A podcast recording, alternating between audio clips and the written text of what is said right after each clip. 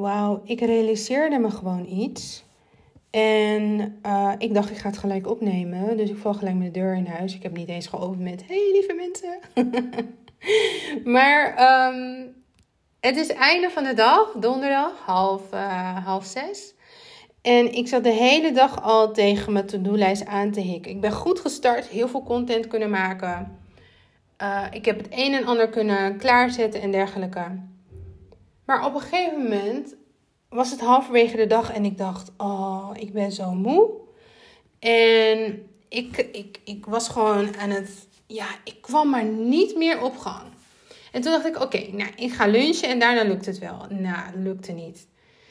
En op een gegeven moment om drie uur ben ik toch weer begonnen. Ik heb het eigenlijk opgedeeld voor mezelf in kleine stukjes. Dus ik heb een kladblok gepakt, zo'n kleine van 10 centimeter of iets.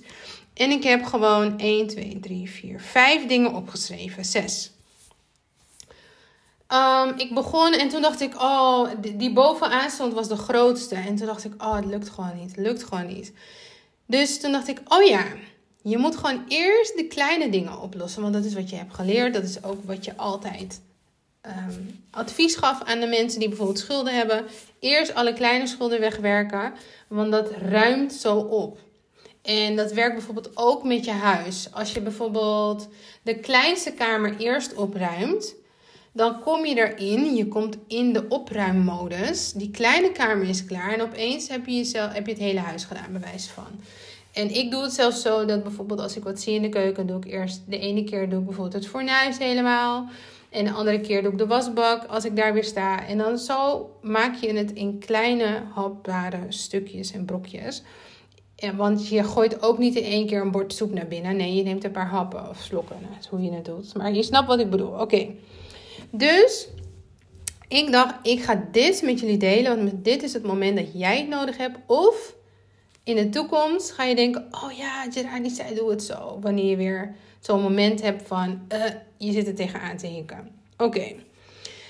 Dus, en ik wist, oh ja, en ik wist dat ik dit weekend vrijwel niks wilde doen. Dus als ik echt dat niet wilde doen, dan moest ik het vandaag, vandaag gedaan krijgen. Dus wat ik als eerste deed, is uh, mijn to-do-lijst voor vrijdag en mijn agenda voor vrijdag opstellen. Omdat ik veel dingen te doen heb vrijdag. Um, en, uh, en toen dacht ik, oké, wat moet echt vandaag, zodat ik morgen zo min mogelijk hoef te doen.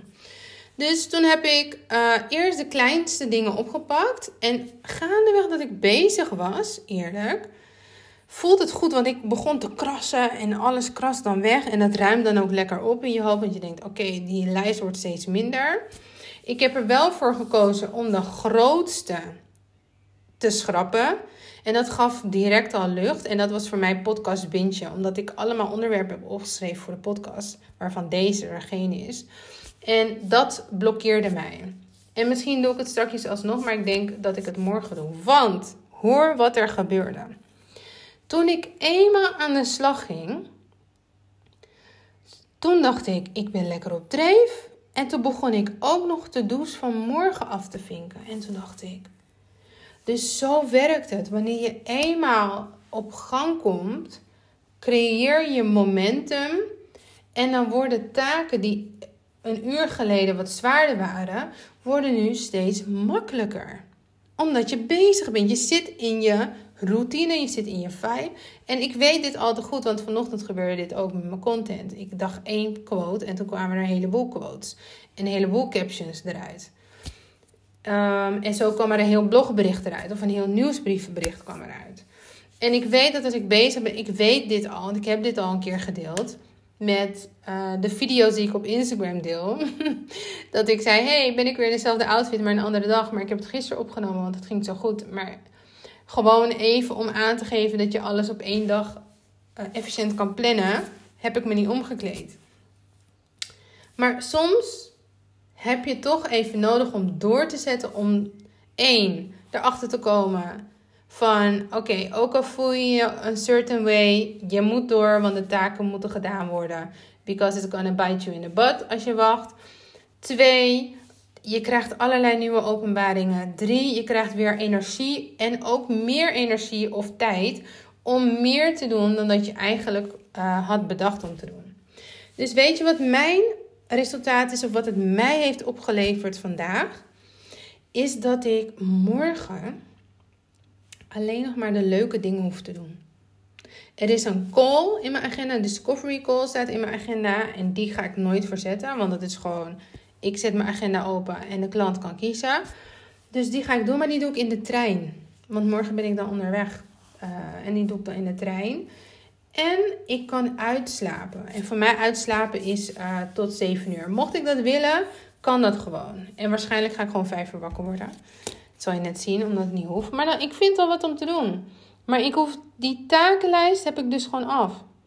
En wellicht ga ik morgen dan alsnog uh, die podcast bingen in de ochtend. En dan staan die ook klaar voor de komende maand.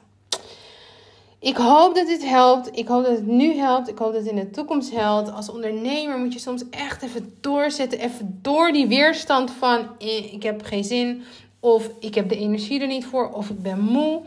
Of wat het gevoel dan ook is. Het gevoel van onzekerheid. Het gevoel van falen of iets dergelijks. Je moet er even doorheen. En ik merk dus dat ik Um, ik heb mijn salesactiviteiten over, had ik over twee dagen verdeeld.